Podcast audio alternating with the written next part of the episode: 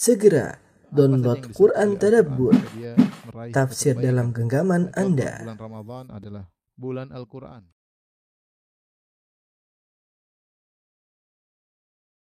Bismillahirrahmanirrahim. Assalamualaikum warahmatullahi wabarakatuh. Alhamdulillahi ala ihsani wa syukru lahu ala taufiqihi wa amtinani wa asyhadu an la ilaha illallah wahdahu la syarika lahu ta'ziman li sya'nih wa asyhadu anna Muhammadan abduhu wa rasuluhu da'ila ridwani Allahumma salli alaihi wa ala alihi wa ashabihi wa ikhwani. Para dokter yang dirahmati Allah Subhanahu wa taala, para pemirsa di mana pun Anda berada, eh, kita melanjutkan bahasan kita dari hadis-hadis Al-Arba'in Nawawiyah. Uh, kita sampai pada hadis ke-34.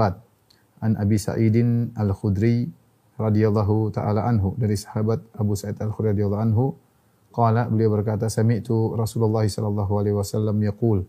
Sungguhnya aku mendengar Rasulullah sallam uh, bersabda man ra'a minkum munkaran falyughayyirhu biyadihi. Siapa di antara kalian melihat kemungkaran maka rubahlah dengan tangannya. Fa illam yastati jika dia tidak mampu fa bi lisanihi maka dia rubah dengan lisannya. Wa illam yastati fa bi qalbihi jika dia tidak mampu maka rubahlah atau ingkarilah dengan hatinya dengan kolbunya wa dzalika adhaful iman dan itu adalah iman yang paling rendah hadis riwayat Muslim saya ulangi an Abi Sa'id Al-Khudri radhiyallahu anhu dari sahabat Abu Sa'id Al-Khudri semoga Allah meridainya beliau berkata sami itu Rasulullah sallallahu alaihi wasallam yaqul Aku mendengar Rasulullah SAW bersabda, Man ra'a minkum mungkaran. Siapa di antara kalian melihat kemungkaran, faliwayyirhu biyadih. Maka hendaknya dia rubah dengan tangannya. Fa illam yastati, jika dia tidak mampu merubah dengan tangannya, fa maka rubahlah dengan lisannya.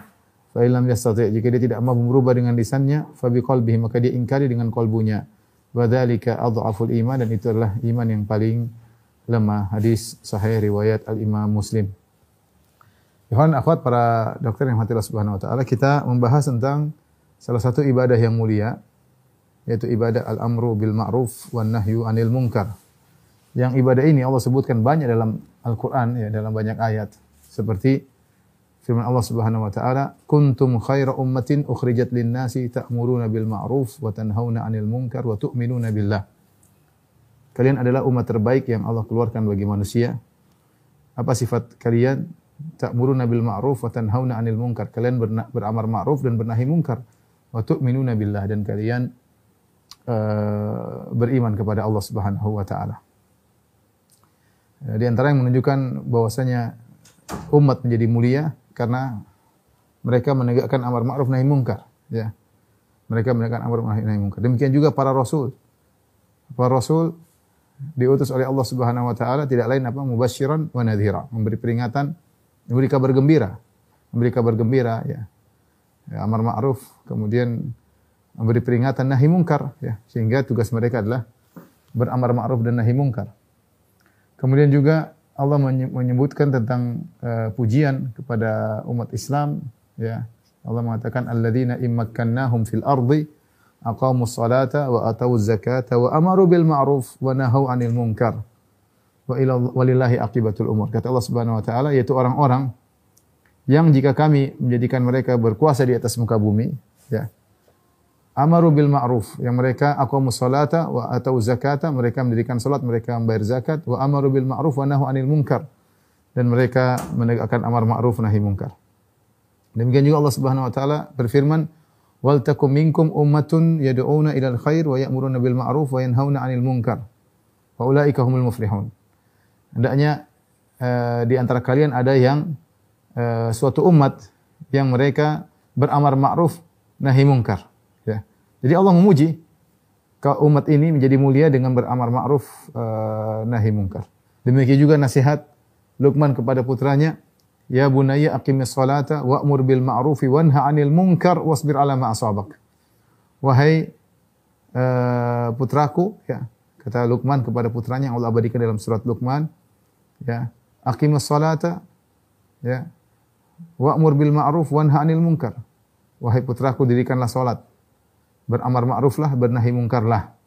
Wasbir 'ala ma asabak dan sabarlah atas apa yang menimpamu. Artinya kalau kau beramar nahi mungkar, pasti ada yang mengganggumu, maka bersabarlah. Demikian tafsiran sebagian ahli tafsir. Karena amar ma'ruf nahi mungkar melazimkan adanya gangguan. Sudah pasti. Karena kita menghalangi orang dari apa yang dia sukai. menyuruh orang pada perkara yang dia tidak sukai atau melarang orang dari perkara yang dia sukai. Ya. Maka menimbulkan ketersinggungan itu sudah pasti. Makanya kata Luqman, wasbir ala ma asabak, bersabarlah. Demikian juga seorang bisa keluar dari segala bentuk kerugian kalau dia beramar ma'ruf nahi mungkar. Kata Allah Subhanahu wa taala, "Wal asri innal insana lafi khusr." Demi masa sungguhnya manusia seluruhnya dalam kerugian. Innal insana lafi khusr. Manusia dalam kerugian. Allah tidak mengatakan uh, manusia merugi. Tapi Allah tidak mengatakan in, innal insana la khasir. Allah tidak mengatakan manusia merugi, tapi Allah mengatakan lafi khusr, dalam kerugian. Sebenarnya mengatakan seakan-akan dia tenggelam dalam kerugian, kerugian meliputi dia dari segala arah. Kanan, kiri, depan, belakang semua kerugian. Bagaimana cara dia selamat dari kerugian tersebut? Ila ladina amanu wa amilu salihat. Kecuali orang beriman dan beramal saleh. Dia harus beriman, beramal saleh. Wa tawasaw bil haq, wa tawasaw bis sabr. Wa tawasaw bil haq ya amar ma'ruf. Nahi mungkar, wa tawasaw bis sabr, saling menasihati dalam kebaikan, dalam yang hak dan saling menasihati dalam uh, kesabaran. Jadi bernahi mungkar. Sebaliknya Allah Subhanahu wa taala mencela orang-orang yang tidak beramal nahi mungkar. Itu sifat-sifatnya orang Yahudi. Orang-orang Ahlul Kitab. Wala takunu kalladzina tafarraqu wa ikhtalafu min ba'di ma ja'ahumul bayyinat. Janganlah kalian seperti orang-orang yang terpecah tercerai berai, terpecah belah setelah datang penjelasan kepada mereka. Setelah Allah sebutkan wal takum minkum ummatun yad'una ilal khair wa ya'muruna bil ma'ruf wa yanhauna 'anil munkar. Adanya di antara kalian ada umat yang beramar nahi munkar. Kemudian Allah mengatakan wala takunu. Janganlah kalian menjadi seperti orang Yahudi ahlul kitab, orang Nasara yang mereka tidak beramar ma'ruf nahi munkar. Mereka dilaknat. Lu'inal ladzina kafaru min bani Israil ala lisani Dawud wa Isa bin Maryam. Dzalika bima asaw wa kanu ya'tadun. Kanu la yatanahawna 'an munkarin fa'aluh. La bisa ma la bisa ma kanu yaf'alun. Kata Allah Subhanahu wa taala laknat orang-orang kafir dari kalangan Bani Israel melalui lisan Daud dan lisan Isa bin Maryam. Mereka dilaknat ya. Dzalika bima asau. Kenapa mereka dilaknat? Karena mereka melakukan kemaksiatan wa kanu ya'tadun dan apa yang pelanggaran yang mereka lakukan. Kata Allah, kanu la yatanahawna 'an munkarin fa'alu. Mereka tidak bernahi mungkar atas kemungkaran yang mereka lakukan. Kalau kita baca tafsir dari ayat ini, sebenarnya menyebutkan itu akibat orang-orang Yahudi, para pendeta-pendeta mereka, rabi-rabi mereka yang tidak berani beramar ma'ruf nahi mungkar ketika ada penguasa uh, melakukan pelanggaran dia tidak berani menasihati. Takut jatah dia tidak diberikan misalnya Ya, akhirnya mereka dilaknat. Akhirnya mereka dilaknat. Padahal penguasa punya hak untuk dinasihati. Penguasa punya hak untuk di uh, apa namanya? untuk ditegur ya. Mereka punya punya hak ya. Makanya Nabi mengatakan ad-dinun nasihat. Agama nasihat ya. Dia menyuruh Rasulullah buat siapa nasihat lillahi wa li kitabihi wa li rasuli wa li ammatil muslimin wa ammatihim. Nasihat bagi Allah, bagi rasulnya, bagi kitabnya, bagi imam-imam kaum muslimin. Mereka punya hak untuk dinasihati, punya hak untuk di ditegur. Nah, ulama-ulama Yahudi mereka karena mencari dunia, mereka tidak berani uh, menegur sehingga akhirnya mereka dilaknat. Ini semua ikhwan dan akhwat yang dirahmati Allah Subhanahu dalil-dalil yang menunjukkan tentang keutamaan berma'ruf nahi mungkar dan bahayanya kalau orang meninggalkan amar ma'ruf nahi mungkar dilaknat, diberi azab oleh Allah Subhanahu wa taala, dihukum oleh Allah Subhanahu wa taala jika seorang meninggalkan atau satu kaum sepakat untuk meninggalkan amar ma'ruf nahi mungkar. Uh, kita akan bahas hadis Abu Sa'id Al-Khudri. Kata Nabi sallallahu alaihi wasallam,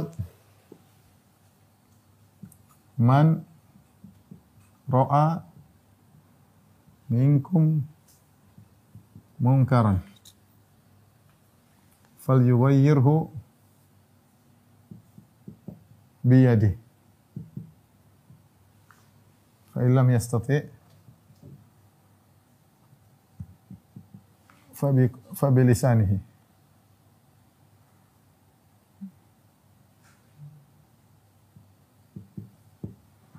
Wa illam yastati fabiqalbihi. Wa dhalika adaful iman.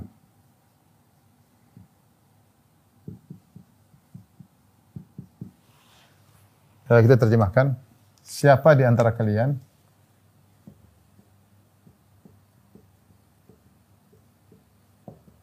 kalian yang melihat kemungkaran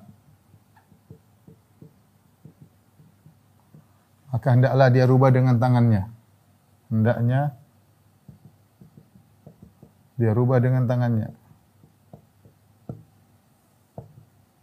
Itu dengan kekuasaannya. Fa ilam yastati' fa bilisanihi. Kalau tidak mampu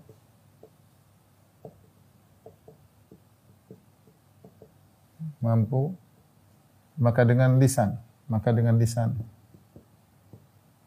Dia ingkari dengan lisannya. Wa illam yastati' jika tidak mampu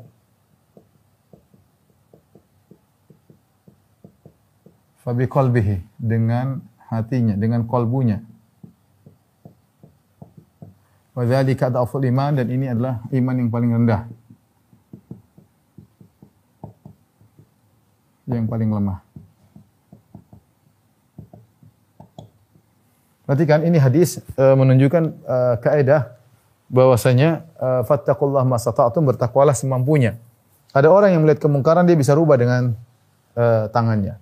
Kalau tidak mampu maka dia rubah dengan lisannya, dengan tulisan, uh, dengan peringatan ya. Kalau tidak mampu maka dia ingkar dengan hatinya.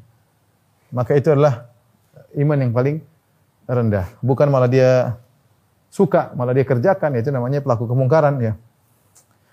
Tapi pertama kita bahas man ro'a siapa di antara kalian yang melihat kemungkaran. Apa hukum amar ma'ruf nahi mungkar?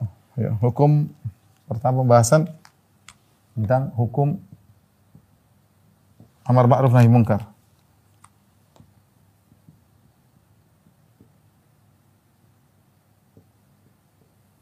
Nahi mungkar. Ada khilaf di kalangan para ulama, ada khilaf. Ada yang mengatakan fardu ain, wajib bagi setiap orang yang mengatakan fardu kifayah. Fardu kifayah. Fardu kifayah. Yang mengatakan fardu ain mereka berdalil hadis Nabi mengatakan man siapa saja. Ini umum. Man adalah isim syarat memberikan faedah kuman siapa saja lihat kemungkaran maka dia harus tegur. Berarti nahi mungkar berlaku pada siapa saja. Tapi Allah alam bisawab yang lebih kuat adalah fardu kifayah karena tujuannya adalah kemungkaran untuk di yang penting di diberhentikan atau ditegur atau diperingatkan Allah mengatakan wal takum minkum ummatun. Ya dalam surat Al-Imran wal takun minkum ummatun yad'una ilal khair. Hendaknya dari kalian ada sebuah sekelompok umat ya. Hendaknya ada sekelompok dari kalian.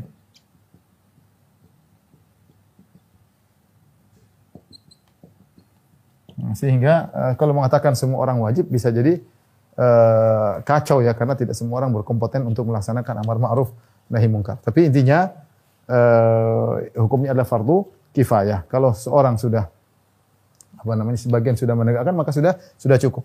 Terus kata Nabi melihat man ro'a siapa yang melihat ya.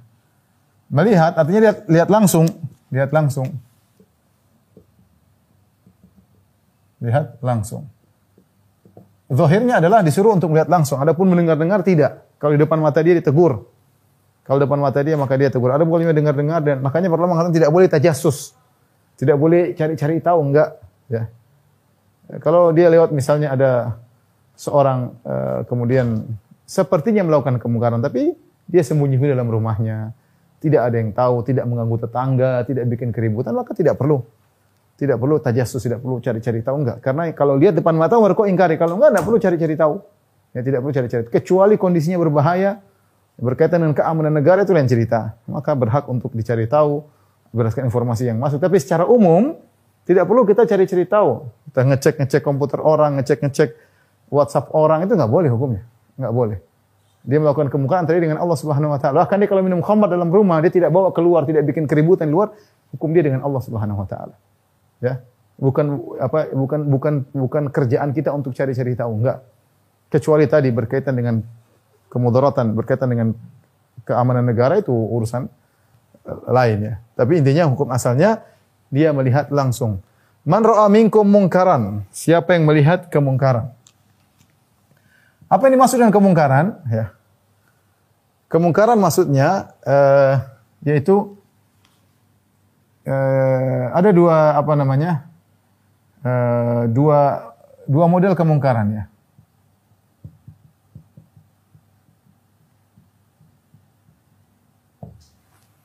Yang pertama adalah yang wajib diingkari. Ini yang mana wajib diingkari? Dua model juga adalah yang disepakati. Yang disepakati merupakan kemungkaran. Merupakan kemungkaran.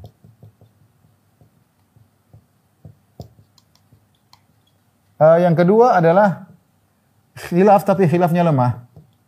Khilaf tapi khilafnya lemah. Maka boleh diingkari. Tidak semua khilaf kemudian kita diamkan. Walaysa kullu khilafin ja'a mu'tabaran illa khilafun lahu hadzun minan nazar. Tidak semua uh, khilaf datang dianggap. Ada khilaf-khilaf tidak ada dalilnya sama sekali ya. Contoh yang disepakati kemungkaran, misalnya ijma ulama bahwasanya itu kemungkaran. Banyak misalnya uh, Misalnya contohnya musik misalnya. Ijma ulama ya, syirik misalnya. Ijma ulama ya. Ini contoh hal-hal yang zina misalnya. Uh, homo misalnya. Banyak hal-hal yang yang ini sepakat ulama bahwasanya hukumnya adalah haram, tidak ada khilaf di kalangan mereka. Nanti ada orang mencoba mengkhilaf-khilafkannya ada saja. Nanti orang liberal bilang oh homo boleh, orang liberal bilang zina boleh. Sebagian orang mengatakan oh ada musik ke musik ijma ya. Ijma yang mengingkari datang belakangan. Sudah ter, terjadi ijma sebelumnya. Ada khilaf tapi khilafnya lemah seperti misalnya riba riba nasiah. Ini sebagian salaf dahulu mengatakan tidak apa-apa yang yang uh, apa namanya riba fadl ya. Inna riba fin nasiah yang mereka menganggap riba fadl. Ya, contoh. Riba fadl kata mereka ini khilaf tapi kita bilang meskipun khilaf tapi khilafnya lemah yang benar uh, riba dengan kedua modelnya riba nasi ataupun riba fadl hukum adalah uh, uh, haram. Seperti misalnya uh, apa namanya yang memabukkan dari selain anggur.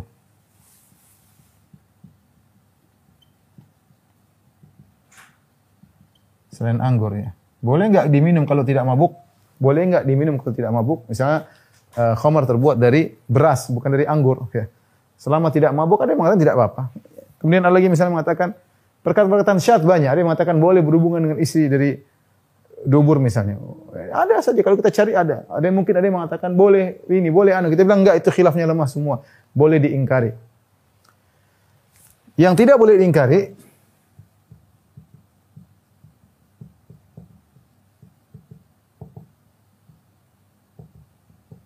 Contohnya apa? Adalah yang khilafnya kuat yang khilafnya kuat.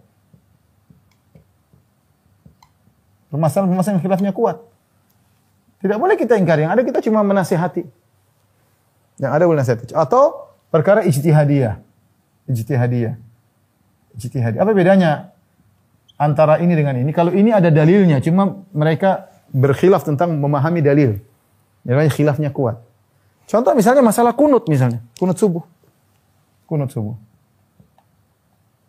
Nah, misalnya ya.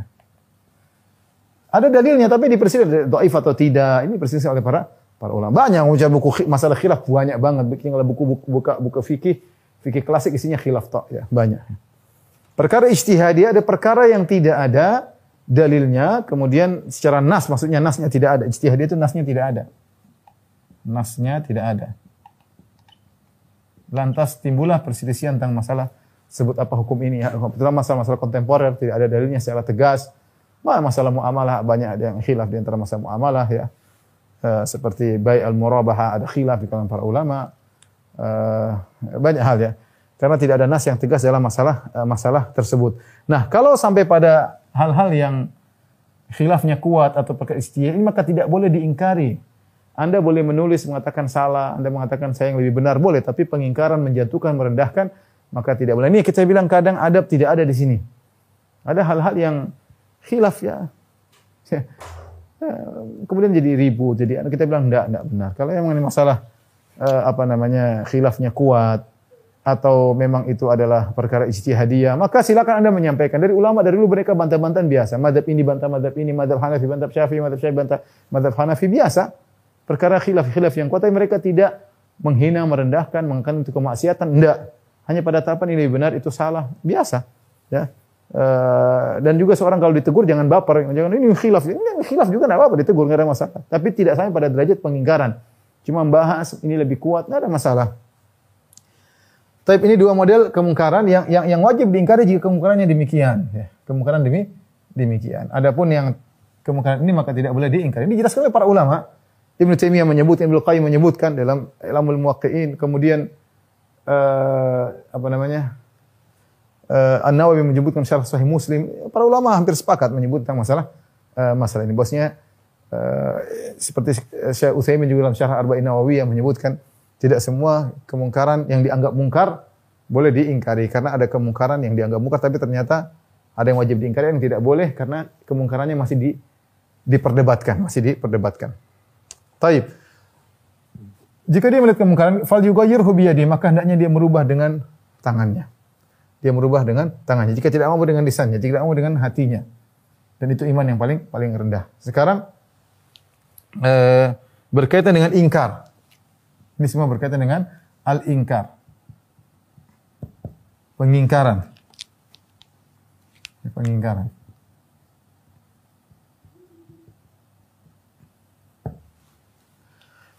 Ada tiga uh, uh, model pengingkaran akibat jika ditinjau dari dampak. Jika ditinjau dari dampaknya, maka ada tiga. Ada tiga model. Yang pertama, kemungkarannya hilang.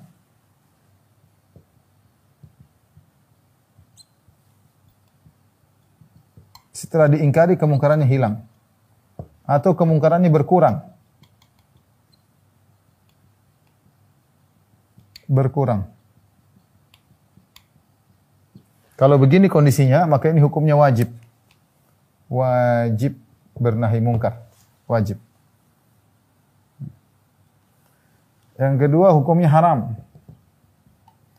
Haram jika kemungkarannya menjadi lebih parah. Jadi lebih parah. Atau ber, hilang dan diganti yang lebih parah. Hilang, namun diganti kemungkaran lain yang lebih parah.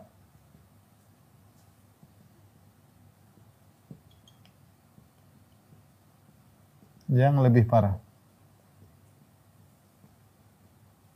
Maka ini haram, tidak boleh seorang melakukan kemungkaran. Orang melarang seorang kamu jangan misalnya jangan merokok tahu-tahu dia morfin misalnya lebih parah. Ya, kamu jangan apa namanya?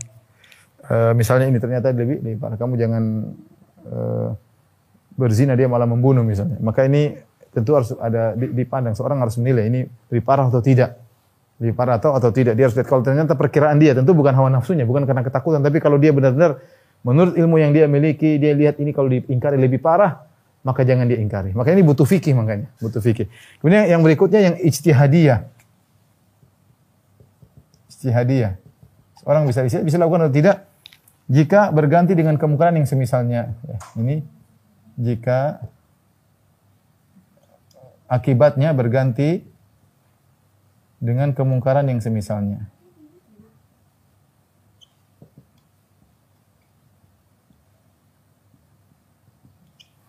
Berganti dengan kemungkaran yang uh, semisalnya ya. Oleh karenanya berdasarkan kaidah ini berdasarkan kaidah ini kita dapati hadis-hadis tentang larangan memberontak kepada penguasa yang zalim yang muslim sangat banyak. Dan itu perkara ijma ya. Perkara ijma ya sampai dinukil oleh uh, para ulama ya bahkan menjadikan itu adalah sikap dari Khawarij dan Mu'tazilah yang mengharuskan untuk memberontak kepada penguasa muslim yang zalim. Bahkan dalam buku-buku firak kita bisa dapati bahwasanya perbedaan antara ciri-ciri Khawarij atau ciri-ciri Mu'tazilah mereka sepakat dalam hal wajib untuk memberontak kepada penguasa zalim yang muslim. Kalau penguasa yang kafir dan cerita ini penguasa zalim tapi dia muslim, apakah wajib memberontak menurut Khawarij dan Mu'tazilah wajib. Hanya saja Khawarij memandang itu kafir sehingga harus diberontaki, sementara Mu'tazilah mengatakan mereka adalah fasik harus di eh, diberontaki.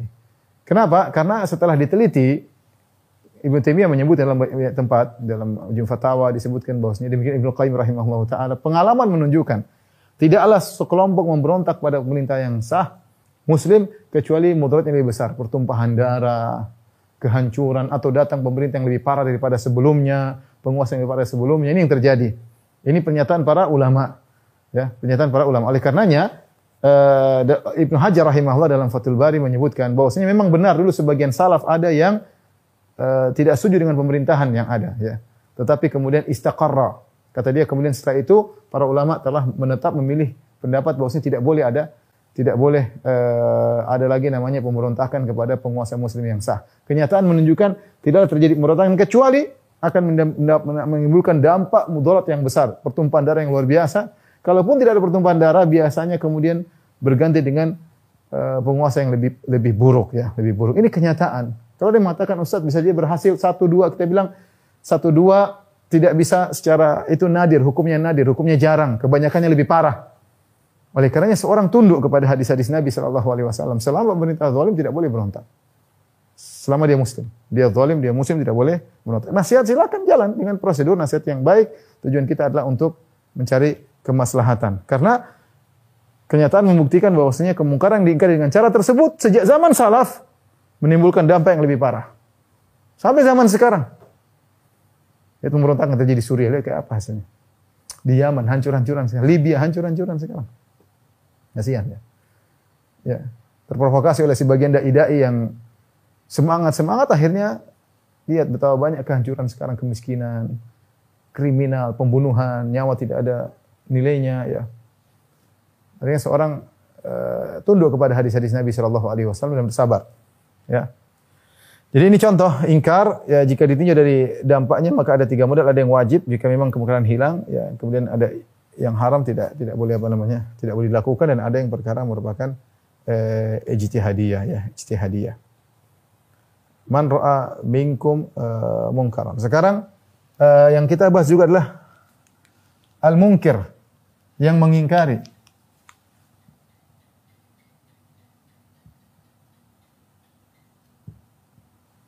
Yang ber, bernahi mungkar.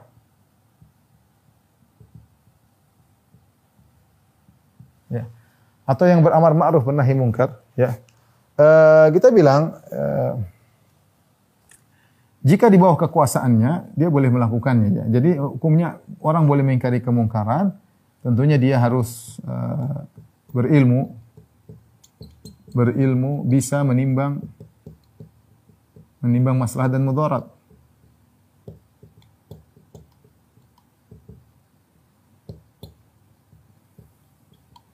Terus uh, secara umum di bawah jika yang diingkari jika yang diingkari uh, di bawah wilayahnya, di bawah kekuasaannya.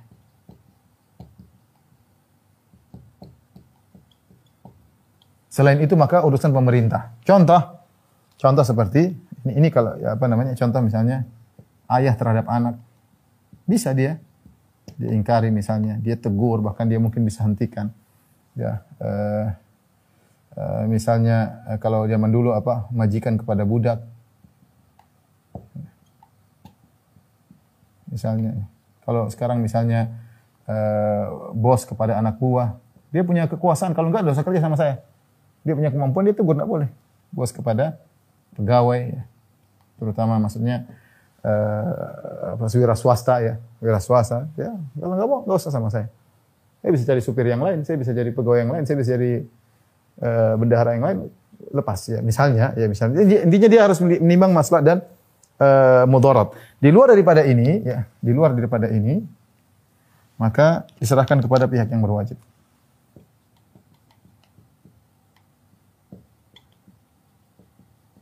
Maka serahkan kepada yang berwajib. Karena kalau kita serahkan pada setiap orang akan terjadi kekacauan. Orang tidak tahu ini muka atau bukan. Bagaimana cara menghadapnya? Orang main hakim sendiri, ada yang mencuri dibunuh misalnya, mencuri ayam dibunuh, ada orang berzina dibunuh. Apakah padahal hukumnya tidak seperti itu?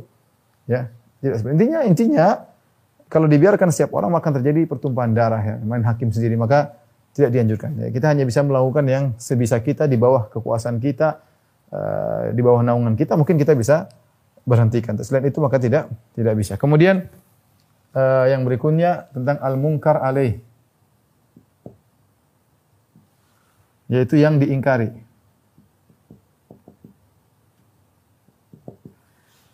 Yang diingkari tentu dilihat eh, siapa, tergantung siapa yang diingkari.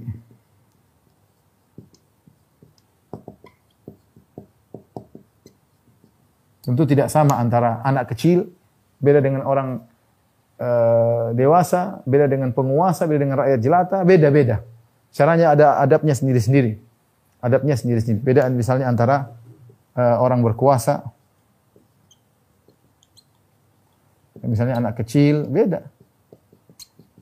Eh, misalnya apa namanya orang biasa, tentu ini ada aturannya. Karena tujuan kita bernahi mungkar apa? Tujuannya untuk hilangnya kemungkaran, bukannya segera melampias kemarahan. Makanya eh, ada perkataan Ghazali, dia, dia mengatakan, saya lupa perkataan ulama, dia mengatakan bahwasanya orang mengingkari kemungkaran seperti tabib sama pasien. Pasiennya bikin jengkel, tapi dia berusaha melakukan yang terbaik buat pasien. Tujuan dia bukan untuk mematikan pasien, enggak. Tujuan memperbaiki pasien semak- semaksimal mungkin yang bisa dia lakukan. Ya, semaksimal mungkin yang bisa dilakukan. Oleh karenanya dia bersikap dengan eh, pasien tersebut sesuai dengan koridor maslahat dan mudarat. Ya. Tentu tidak sama antara orang biasa. Orang biasa mungkin bisa tegur langsung. Penguasa beda, penguasa ada aturannya. Kalau mau tegur langsung depan dia, bukan main belakang misalnya. Ya, tegur depan dia. Dan kalau kita baca hadis ini, hadis Abu Sa'id Al-Khudri, ini kisahnya tentang apa? Kisahnya tentang Marwan Ibn Al-Hakam. Dalam Sahih Muslim, Marwan Ibn Al-Hakam ini, ketika sholat id, kalau salah idul adha, ya, dia khutbah dulu baru sholat. Dia khutbah dulu baru baru sholat. Padahal kita tahu sunnahnya kalau sholat id, sholat dulu baru khutbah. Tapi dia tidak ingin kalau dia sholat orang pada pergi. Ini sebagian sebagian pendapat ya. Sehingga mereka mengatakan kenapa Marwan khutbah dulu baru sholat? Karena kalau dia sholat dulu nanti dia khutbah orang pada tinggalin. Ada yang mengatakan tidak. Dia khutbah dulu baru sholat karena dikhawatirkan orang baru berdatangan dari jauh. Khawatir kalau dia sholat sudah selesai orang terlambat. Dia pingin intinya dia punya ijtihad yang dia akhirnya memutuskan bahwasanya dia khutbah dulu baru sholat. Maka Abu Sa'id Al-Khudri radhiyallahu anhu menahan dia, menarik dia agar tidak naik mimbar. Sholat dulu. Dia mau naik mimbar ditahan, tapi dia tetap dia tetap ingin naik mimbar. Akhirnya dia naik mimbar, datanglah seorang kalau tidak salah Abu Mas, Mas'ud ya. Eh, Al-Ansari, Abu Mas'ud, bukan Ibnu Mas'ud, Abu Mas'ud Al-Ansari menegur. Dia mengatakan as-salat qabla al-khutbah. Dia ngomong. As-salat jadi Abu Sa'id Al-Khudri sudah berusaha mengingkari dengan tangan tapi sang penguasa tetap naik. Akhirnya Abu Sa'id Al-Khudri diam. Datanglah se- seorang sahabat yang lain, dia tegur. Dia mengatakan as-salat qabla al-khutbah. Salat dulu sebelum khutbah. Marwan mengatakan, dalam saya Muslim mengatakan, Qad turika mahunalik. Kata dia lain. Ini kondisi sudah lain. Itu di zaman Nabi, iya. Sekarang kami tinggalkan karena ada maslahat sendiri sehingga kami mendahulukan khutbah daripada dia punya takwil ya. Saya mendahulukan khutbah daripada salat. Akhirnya ketika Abu Mas'ud uh, Al-Ansari menegur, maka Abu Sa'id Al-Khudri mengatakan apa namanya? uh, maka dia telah menjalankan apa yang bisa dia lakukan. Sami itu Rasulullah SAW, aku mendengar Rasulullah SAW bersabda, dia sebutnya hadis ini. Man ra'a minkum mungkaran falyughayyirhu biyadihi. Siapa yang melihat kemungkaran tegurlah dengan tangannya dan itu Abu Said lakukan tapi tidak berhasil. Fa illam yastati fa bilisani. Kalau tidak mau dengan lisannya, Abu Mas'ud Al-Ansari negur dengan lisannya. Tidak berhasil juga. Wa illam yastati fa biqalbi. Tidak bisa sudah hati mengingkari. Ya. Ini berkaitan dengan penguasa maka boleh seorang menegur di depan penguasa langsung. Tapi niatnya ingin mencapai ke- ke- kebaikan. Makanya memang rawan kalau seorang menegur langsung di depan penguasa. Karena fatal ya. Makanya eh, apa namanya? eh, Nabi SAW mengatakan eh, afdalul jihad kalimatul haq inda sultanin jair. Jihad yang terbaik adalah perkataan yang benar di hadapan penguasa yang zalim. Ya. Kalau seorang maju ketemu penguasa mengatakan yang hak, kemudian dia bisa dibunuh, bisa dipenjara, bisa disiksa dan macam-macam.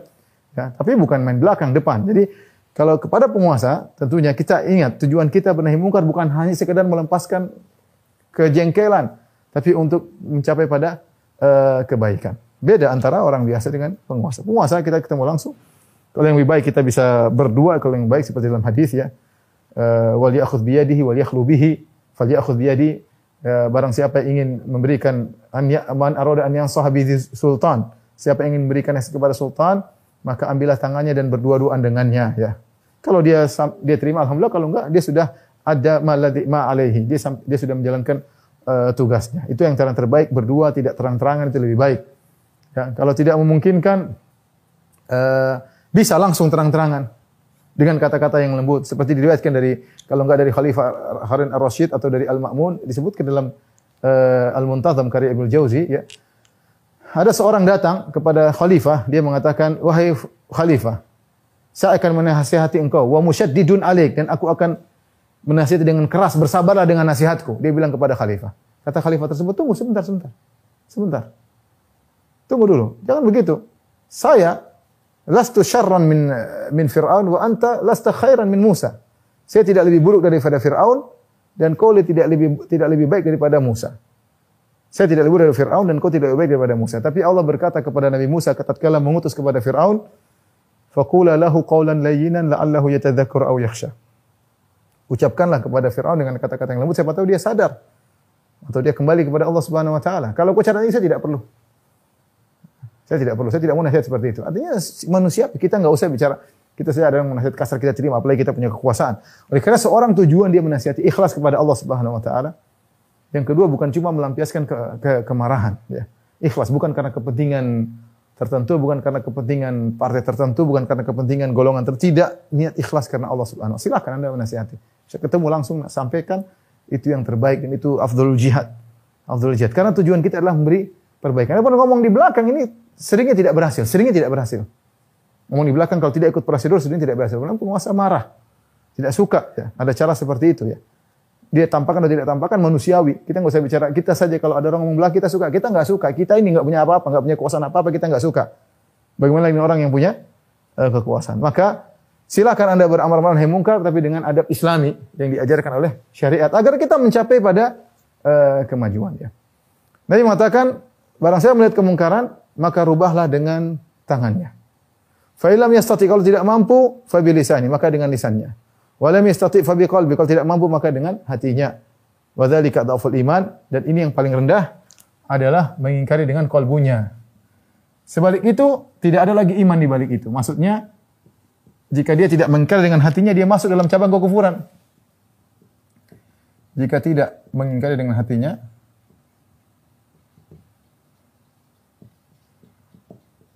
maka imannya hilang imannya hilang yang berkaitan dengan cabang ini bukan bukan secara total imannya hilang bukan bukan semua iman tapi yang berkaitan berkaitan dengan cabang kebaikan ini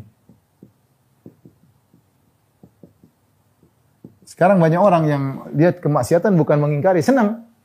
Nonton film, nonton orang terbuka, senang. Mau diapain? Apakah dia kufur? Enggak, dia enggak kufur. Tapi dia tidak punya iman di cabang itu. Harusnya dia mengingkari. Kalau dia tidak mengingkari, tidak bisa dihentikan dengan tangannya, dengan lisannya, tidak bisa uh, dengan hatinya. Tapi ternyata dia bukan bukan mengingkari hati, malah senang, malah ingin lihat, malah ingin nonton. K-pop malah ingin nonton, malah hadir konsernya. Ini namanya dia tidak mengingkari kemungkaran, bahkan hobi dengan kemungkaran tersebut maka imannya hilang di situ. Tapi iman berkaitan dengan bukan bukan seluruh imannya. Karena kita tahu iman bercabang-cabang. Setiap kebaikan ada cabang keimanan. Nah, pada cabang itu imannya tidak tidak ada. Karena sebagian orang salah paham berarti kalau tidak mengingkari kafir. Kita bilang enggak, bukan gitu maksudnya. Tapi dalam cabang itu imanmu tidak ada. Meskipun kau punya iman di cabang-cabang kebaikan yang uh, yang lainnya. Tapi uh, ini uh, Ikhwan Ahmad yang dirahmati Allah Subhanahu wa taala, uh, para dokter yang dirahmati Allah Subhanahu wa taala hadis yang berkaitan dengan eh, beramar nahi mungkar ya. Jadi e, siapa saja kalau punya berkompeten untuk melaksanakan amar nahi mungkar maka dipersilahkan. Karena umat kalau tidak ada yang menasihati, tidak ada yang mengingkari, maka akan rusak. Orang-orang akan berjalan dengan hawa nafsunya, tidak peduli dengan tidak larangan, tidak ada yang menegur. Kalau semua orang diam lisannya seperti setan bisu, tidak bisa menulis, tidak bisa ini, maka akan terjadi uh, kemungkaran ya. ya. Seorang harus harus uh, tegur, terutama kemungkaran-kemungkaran ya ini adalah apa namanya tugasnya para ulama ya, para dai. Ada kemungkaran tegur ya, tulis dengan tulisan, dengan ceramah, ya kita menegakkan hujah, menegakkan tugas dari Allah Subhanahu wa taala. Mereka mereka dengar atau tidak bukan urusan kita. Tugas kita adalah menyampaikan dengan cara yang terbaik eh, demi kemajuan bangsa dan uh, kaum muslimin di tanah air. Uh, maka harus ada amar ma'ruf nahi mungkar. Allah alam bisawab sampai di sini saja. Mungkin saya sampaikan kepada para dokter. Kurang lebihnya saya mohon maaf. Wabillahi taufiq wal hidayah. Assalamualaikum warahmatullahi wabarakatuh.